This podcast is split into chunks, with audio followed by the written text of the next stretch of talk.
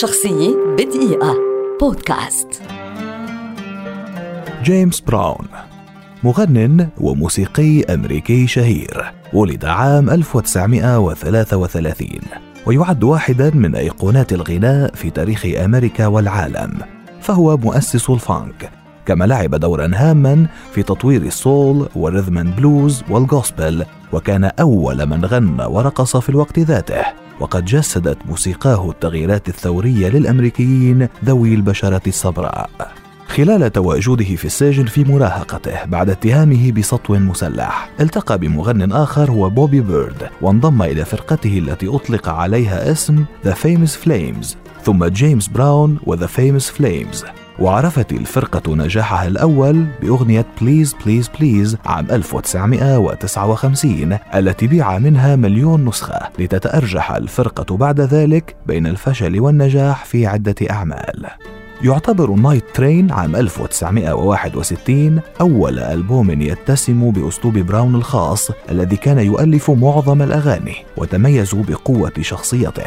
ولذلك ما لبث أن أصبح باقي أعضاء الفرقة مجرد مرافقين له. بعد أن كانت نجاحات براون محصورة في جنوب الولايات المتحدة اشتهر على المستوى الوطني عندما صدرت أسطوانة Live at Apollo وهو تسجيل حفلة أقيمت سنة 1963 فتابع براون بعدها بسلسلة من الأعمال أرست قواعد ال funk فكانت أغنية Out of Sight الخطوة الأولى في هذا المسار.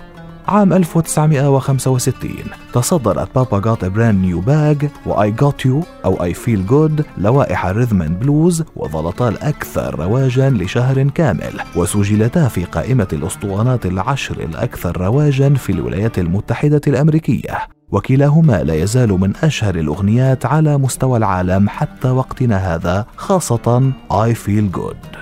عام 1967 كان براون على موعد مع نجاح مدو جديد إذ اعتبر ألبومه Cold Sweat ذروة موسيقى الستينات ومن أشهر أغاني جيمس أيضا الأغنية التي لا تزال معروفة حتى يومنا هذا It's Man's Man's World.